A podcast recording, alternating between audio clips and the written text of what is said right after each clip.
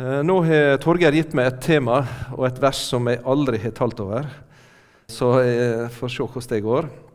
Før jeg leser det, så kan jeg si at eh, det har noe med kjærlighet å gjøre. Eh, og Hvis dere har lyst til å lese noe sjeldent på NRK, så hvis dere ser på nrk.no i dag på nettsida, så ligger der en artikkel og også litt sånn intervju med et par fra Vestfold, tror jeg, som eh, gifta seg nylig. De er kristne, og det handler om det å være kjæreste og bli gift og være kristen. Eh, slik at de forteller at de har spart eh, sexen til ekteskapet. og det blir nå framstilt som litt sånn kuriøst, da. Altså noe som er Men de deler dette på en veldig fin og ekte måte. Så hvis dere har lyst til å lese noe inspirerende, så er det det. Og så er det selvsagt ei som er helt uenig, og en lang spalte med et sånn innlegg etterpå som kommenterer og mener at dette er helt bak mål. Men uh, de fikk fint fram hva det er de ønsker. De ønsker å leve for Jesus og har Bibelen som uh, rettesnor for det de ønsker å være. Så det var kjempefint hvis dere har lyst til å lese det. Uh, nå skal jeg lese ett bibelvers til en åpning, og det er det som er temaet for uh, denne kvelden, da, det er fra 2. Mosbok kapittel 34, vers 14. Der er det et bibelvers. og uh, Når vi leser dette nå, så har vi flytta ut fra Stavanger og flytta nokså langt uh, sør. Det er talt ned i ei ørken som heter Sinai.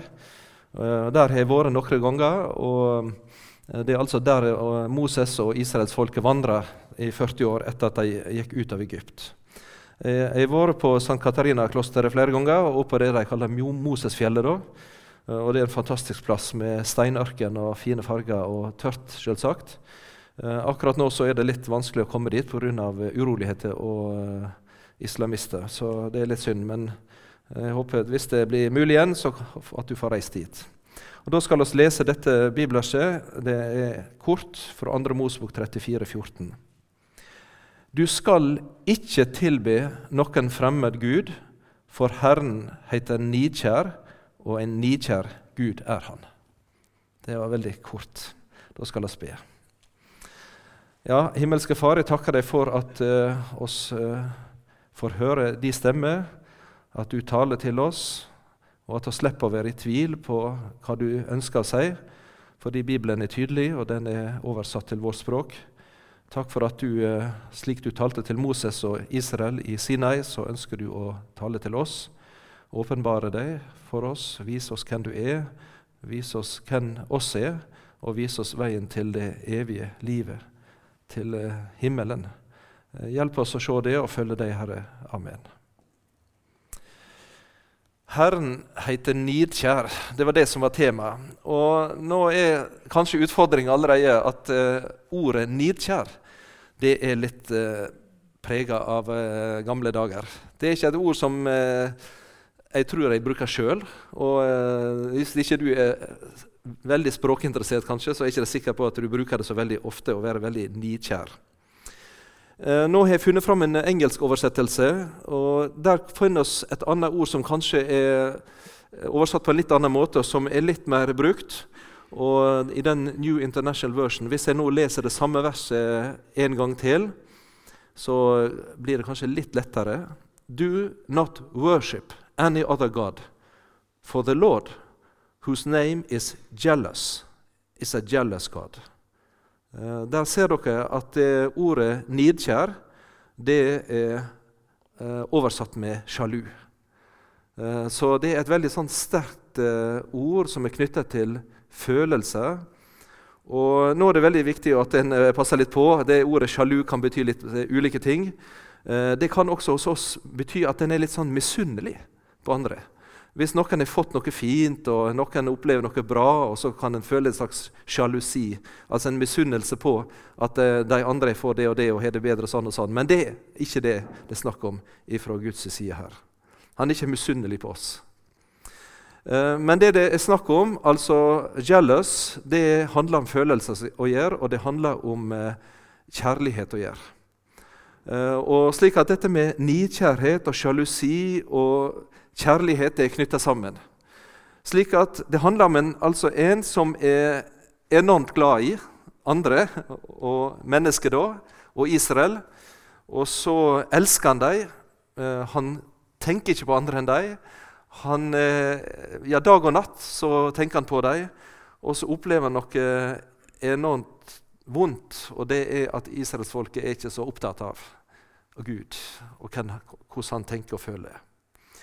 Det kan hende noen her i SU har opplevd den følelsen. Det er det en kaller for en ulykkelig kjærlighet.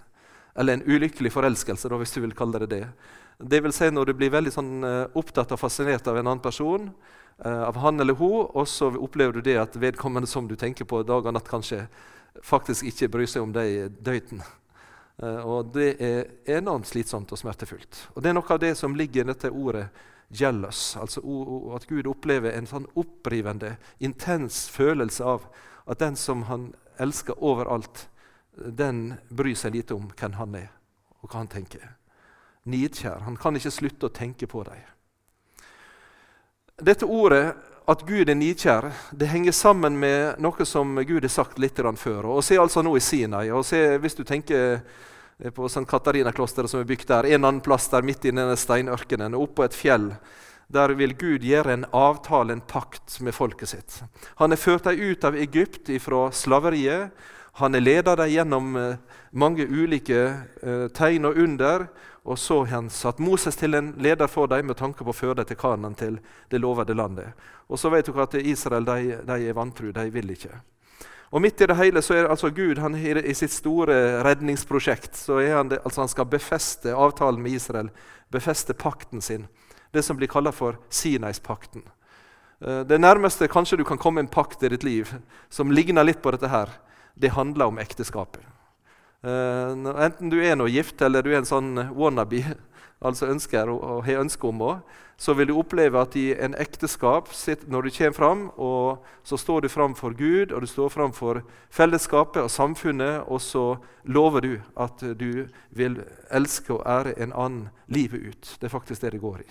Og får velsignelsen på det. Det er det nærmeste du kan komme en pakt eller en sånn bindende avtale. Og Hvis vi går til kapittel 20 i andre Mosebok, så får vi fortellinga om denne pakten eller avtalen som Gud ville gå inn med folket. Og Da er vi midt inne i de ti bud. Dette her er disse steintavlene der Gud skriver med fingeren sin på stein og skal gi til Moses. Og Hvis du leser i 2. Mosebok 20, vers 2-6, så vil du høre dette. Da dukker dette følelseslada ordet opp. Jeg er Herren din Gud, som førte deg ut av Egypterlandet, av trellehuset. Du skal ikke ha andre guder attåt meg. Du skal ikke lage deg noe utskåret bilde eller noe slags bilde av det som er oppe i himmelen, eller av det som er nede på jorda, eller det som er i vannet under jorda. Du skal ikke tilbe dem og ikke tjene dem. For jeg, Herren din Gud, er en nidkjær Gud, som ble straffa for syndene åt fedrene kom over barna i tredje og fjerde etterledd, på de som hater meg, og som syner miskunn i tusen etterledd mot de som elsker meg og holder båda mine. Det er altså Gud som taler til Moses i Sinai. Og Du vil oppleve allerede her at dette med den nidkjære Gud det er knytta til dette med forholdet til Han, og det her er det altså kjærligheten eller forakt og hat. Det er de to valgene som mennesket står overfor. Det er ikke så lett å sette ord på hva ekte, ekte virkelig kjærlighet til. Eh, jeg hadde en eh, student fra Amerika som var på praksis hos oss. Han var i fire måneder ute i Tanzania, der også jeg bodd. Og så grubla han over en del ting, og annet så grubla han over dette med å finne seg ei å leve livet med. Han var dataingeniør og var usikker på om kanskje Gud ville bruke han inn i en sånn krevende oppgave. Og så tenkte han på det. Kanskje at jeg skal bli som Paulus. Du vet, Paulus ikke sant? Han ble kalt av Gud, skulle være apostelen. og han Pga. sin tjeneste og sitt krevende oppdrag og all reising og alt, så valgte han å være alene. Og Det tenkte han her på den amerikanske studenten som var dataingeniør. Han grubla over dette, og han snakket med oss om det. Og han snakket med andre studenter på skolen, på bibelskolen og andre lærere ulike og for å eh, spørre hva tror dere. Er ikke så enkelt å svare på det. Uh, altså, uh, Paulus han, uh, han, ble ikke gift, men andre de ble det. og Det er ikke noe pålegg eh, på det på den måten. Eh, så reiste han tilbake til Amerika, og eh, det var vel en to-tre år etterpå så fikk jeg mail fra han. Eh, og jeg kan huske 'Hello, John', skrev han. Og så var litt sånn hilsen og litt sånn. Og så skrev han 'No, I've met the world's most beautiful girl'. Den vakreste i verden. Det skrev han. Og jeg tenkte på, jeg lurer på hvordan hun ser ut. Den vakreste jenta i verden som han har møtt i USA. Hvordan kan hun se ut? Og eh, Det var vel en stund etterpå, da til slutt, så eh, vet jeg, En bruker Facebook, ikke sant?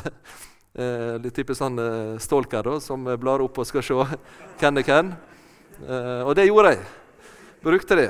Og jeg bladde opp han her, studenten, og jeg fant han da.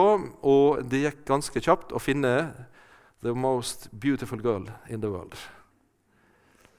Men det som var litt eh, eh, altså pussig, da, det var at eh, når jeg eh, så henne,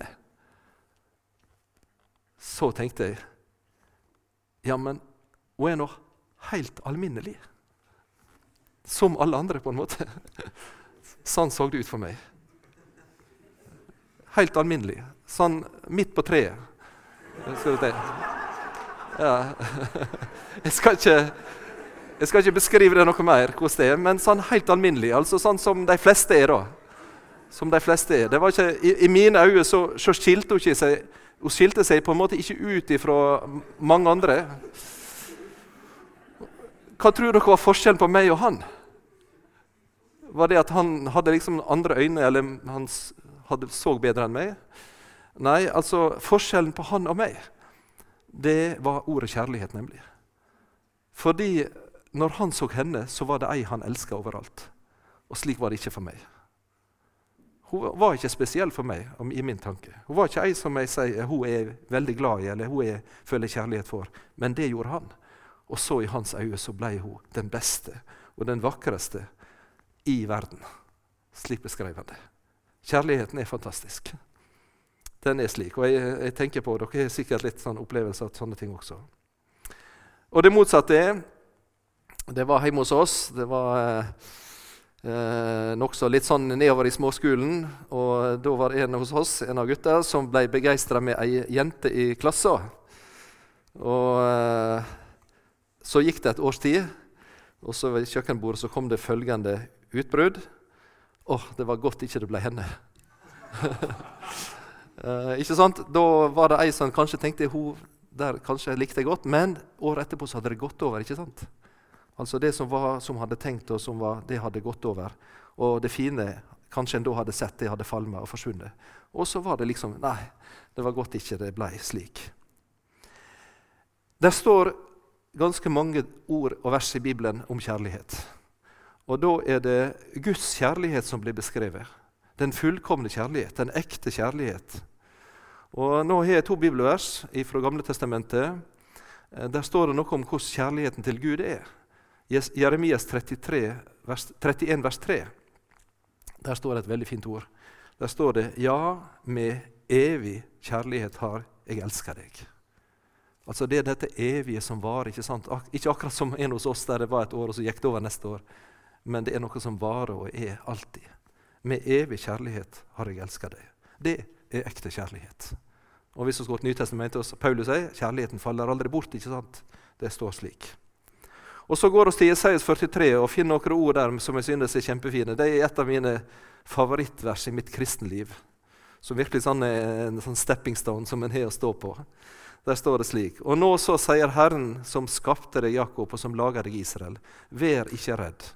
Jeg har løst deg ut og kaller deg ved navn, du er min. For du er kostesam i mine øyne, for du er akta høgt, og jeg elsker deg. Det er fantastiske ordet fra Gud til deg og til meg. Dyrebar, umistelig, den beste, den vakreste. Den en akter høgt overalt, og som jeg elsker. Vær ikke redd, du er min. Guds kjærlighet, den er slik. Det vakreste Gud kjenner til, og en kjærlighet som ikke bleikner, men er evig. Slik er Han. Og så hadde Gud sett folket sitt og hadde valgt dem ut Ifra Abraham, ikke sant? Og så ifra Isak og Jakob og bakover hele den rekka der. Og så kommer de ut, og så har han fridd dem ut fra fangenskapet i Egypt. Og så skulle Israel, hans folk, de skulle være hans folk, hans eiendomsfolk, på en helt spesiell måte. Og han hadde sett dem ut til et liv sammen med seg sjøl, der han skulle lede dem og føre dem og verne dem og frelse dem og føre dem og gi dem til sin arv og bygge det landet som Gud hadde lovt dem. Det han hadde tenkt å gi alt, skulle de få, fordi han elska dem. Og så i denne Sinai-ørkenen, der skulle han da gjøre pakta si klar, akkurat slik som en brud, en brudgom, ved alteret i kirka. Du kan godt tenke på det bildet, så er du der. Der en skulle love hverandre truskap, og der en skulle erklære sin kjærlighet til hverandre. Grunnlaget og fundamentet for budet og pakta det er den fullkomne kjærlighet. Ikke den der er litt sånn smålig eller den som ikke Nei, den helt komplette 100% kjærligheten. Det er den som ligger der. Du skal elske Herren din Gud av hele ditt hjerte, av hele din sjel, av all din kraft, av all ditt vet, og nesten din som deg sjøl. Der er ikke mer. Det er det komplette. Det er kjærligheten. Det er komplett helt av hjerte og sjel og kraft og vet og liv. Det fyller alt. Og det er denne fullkomne kjærligheten som preger Gud, som driver han inn i handlinga. Og mens han er der oppe på fjellet, da på Sinai-fjellet, oppe i denne ørkenen, og så kaller han Moses opp som representant for sitt folk, for å fullføre den evige pakten som han har tenkt å gjøre med folket sitt. Og mens han skal gjøre det, så skjer det noe helt forferdelig. Nede på sletta, mens Moses kom opp på fjellet, nede på sletta, så hadde folket laga seg til en gullkalv. Denne historien kjenner de fleste av dere, tror jeg. Og Denne gullkalven den, den er sikkert veldig fin, det tror jeg, for de var flinke håndverkere. Men israelsfolket, med Aron, Moses sin bror, i spissen, de begynner å tilbe denne gullkalven. De danser omkring han og gleder seg med han og fryder seg. Og så, med øynene sine festa på gullkalven og gullet og det de har lagd, så proklamerer israelsfolket sin store kjærlighet. I 2. Mosbok 32, vers 4. Dette er guden din, Israel, som førte deg opp av Egypterlandet. Det er forferdelig, ikke sant, det som skjer. Og Nå skal jeg flytte dere tilbake til bildet som at dere kan forstå. Nå er vi i en vielse, et bryllup. Og det er like før vielsen skal starte. Og brudgommen han står framme der i kirka, ikke sant? det har du sikkert sett. Uh, og han har pynta seg, og dressen er på plass, og blomstene i, i lomma, og alt er på topp. Og han ser nedover i salen på døra som er lukka, bare venter og venter på det som skal komme, så oppover kirkegulvet. Uh, nå så dere min svigersønn her på filmen. Det er ikke så kjempelenge siden jeg opplevde det med han at han sto i kirka på Varhaug og venta. Og uh, Dattera mi var litt forsinka med frisøren og sånn. Uh, og Det gikk ti minutter, og uh, vente og vente og vente. Det var utålmodig. Og, uh, og så kom tida, og så uh, gikk døra opp. Og jeg blei med henne, gikk, gikk framover der, og blikket var festa der framme, og der sto han. Klar for å vente på hun som skulle komme. Det var en enorm forventning. For ei brud han har verdens vakreste. Den fineste han kan tenke seg. Og på spørsmålet om å elske og ære hverandre så er stemma fylt av glede og takknemlighet når han sier det veldig høyt og tydelig. Og det gjorde han nemlig i kirka i Varhaug. Han sier 'ja' veldig sånn høyt. Jeg tror eh, Du var der, ikke sant? Husker det? Ja! Det var, alle hørte det. Alle smilte faktisk, for det, det, var, så, det var liksom så tydelig årvist. Og så kommer turen til brud, bruda på sida. Og så får hun spørsmålet vil du elske og ære han som står her. Men så stopper alt opp. Og plutselig så snur hun seg ned mot oss som sitter i kirka. Der er familien, og der er slekta, og der sitter venner, og alle pynter til det fine. Tenk, nå skal det skje. Og så sier hun det som ingen hadde tenkt. Hun sier ja, men jeg elsker en helt annen.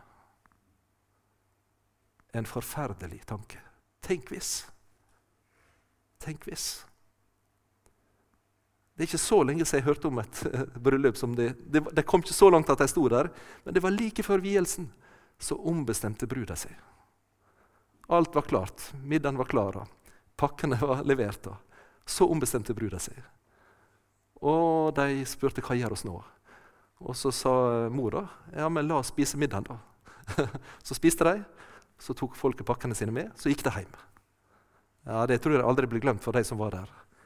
Ja, tenk på brudgommen. Tenk på han som sto pynta og venta. Og så sa hun nei. Nei, vil ikke. Det opplevde Gud i Sinai. Slik hadde han det. Og Da kan vi forstå litt. Jeg elsker en annen. Hva elsker de? En avgud, en gullkalv. Hva er det som er en avgud? Nå skal jeg gå til den gamle katekisme og gi noen forklaringer her. Det er alt som et menneske dyrker og frykter og elsker og stoler på, istedenfor den ene sanne Gud. Slik sier katekismen. Det finnes åpenbare og hemmelige avguder. De hemmelige avgudene, annet der sier katekismen, det er hvis en gir seg sjøl til avgud. Når en forelsker seg i seg sjøl, tenker bare på seg sjøl og fremfor alt søker å tilfredsstille sin egen ære, vilje, nyte og, nytte, og nyting. Eller når vi gjør noe i skaperverket til avgud. Her er det særlig penger materielle ting som dukker opp for oss. Der vi finner glede og trøst og tillit og alt i det mer enn til Gud. Og dette skjer på Sinai. Akkurat når Gud skal fullføre pakten sin og liksom signere avtalen og lage den ferdig.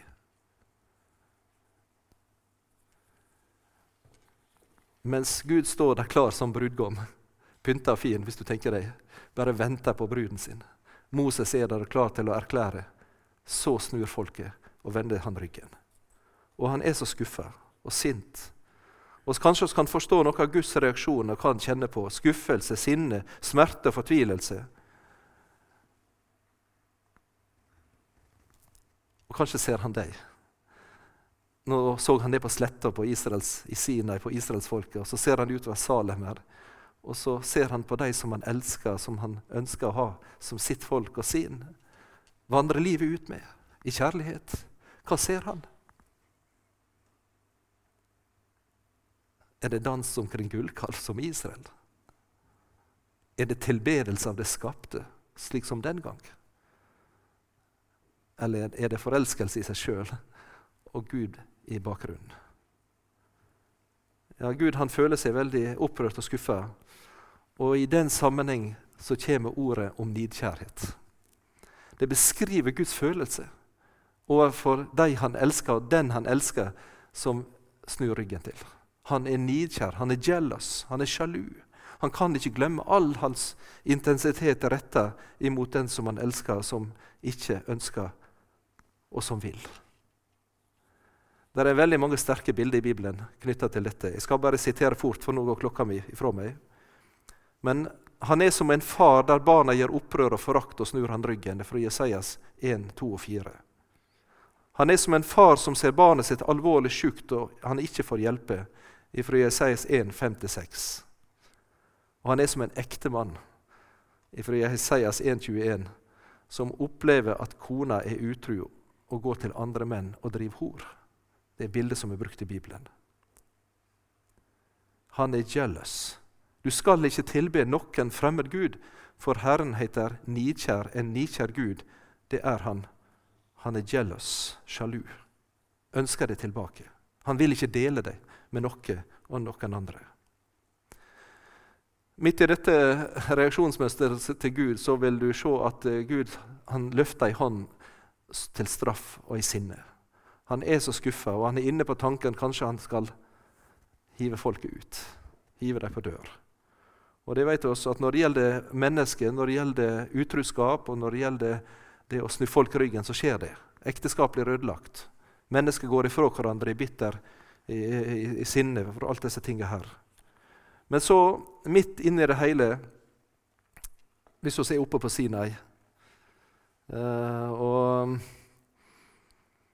uh, ja, Der er andre Bosbok 32,10. Der vil dere se uh, det, det kommer en inn på banen her som israelsfolket der nede og gullkalven. Gud som er brudgommen her oppe, og denne spenninga som ligger. Og så står der en mann imellom på fjellet, og det er en som heter Moses. Og Han begynner å snakke med Gud. Han forstår Guds følelse. Og så sier han, 'Herre, Herre, nå skal jeg minne deg om noen ting.' Så begynner han å be for folket. Og da sier han der i andre Mosebok 32,10, som dere ser på skjermen der, han minner Gud om han er en rettferdig og en uten skyld. Og så sier Gud til Moses, 'Deg vil jeg gjøre til et stort folk.' Deg vil jeg gjøre til et stort folk. Nå vet jeg ikke om du har med alle disse versene her, men i 5. Mosbok kapittel 9 vers 9 så står det at han var på fjellet i bønn og faste i 40 dager og 40 netter. Moses gikk inn i en voldsom kamp med dette som hadde skjedd. Og I 5. Mosebok kapittel 9 så står det at Moses gikk i forbønn for folket. Han minner Gud om de løfter som Herren har gitt. Og så sier han, 'Kom i hug og husk på hva du har sagt, Gud, og hva du har lovt.' Slik ber han for deg. Og så gikk han sjøl inn under dommen. Han sier, 'Gud, du ser folkets synd der nede, og jeg kjenner din rettferdighet og din kjærlighet.' Men hvis du er villig, så la det ramme meg istedenfor folket. Og så kan du stryke meg ut av boka di, står det i 2. Mosbok 32, 31 og 32. Herre, døm meg. Når dere kjenner Det nye testamentet, så skjønner dere at i den gamle pakt så er det en person som heter Moses, som går inn mellom den sjalu og den nidkjære Gud og folket som er snudd han ryggen. Så ber han for dem og stiller seg sjøl inn. Herre, la meg rammes. Det er det store Kristus-forbildet. Han er som Jesus en mellommann som går inn og ber for folk at de må bli berga. Der Herren ville ødelegge dem, der sier Moses, 'Herre, ta meg, og la det ramme meg'. Jeg skal bare sitere nå mot slutten noe av det som står i Jesajas 53 og litt i Nytestamentet om Jesus Kristus. Hvis vi tenker på han, så står det i Jesajas 53 han var vanvørd, og folket hadde vendt seg fra han.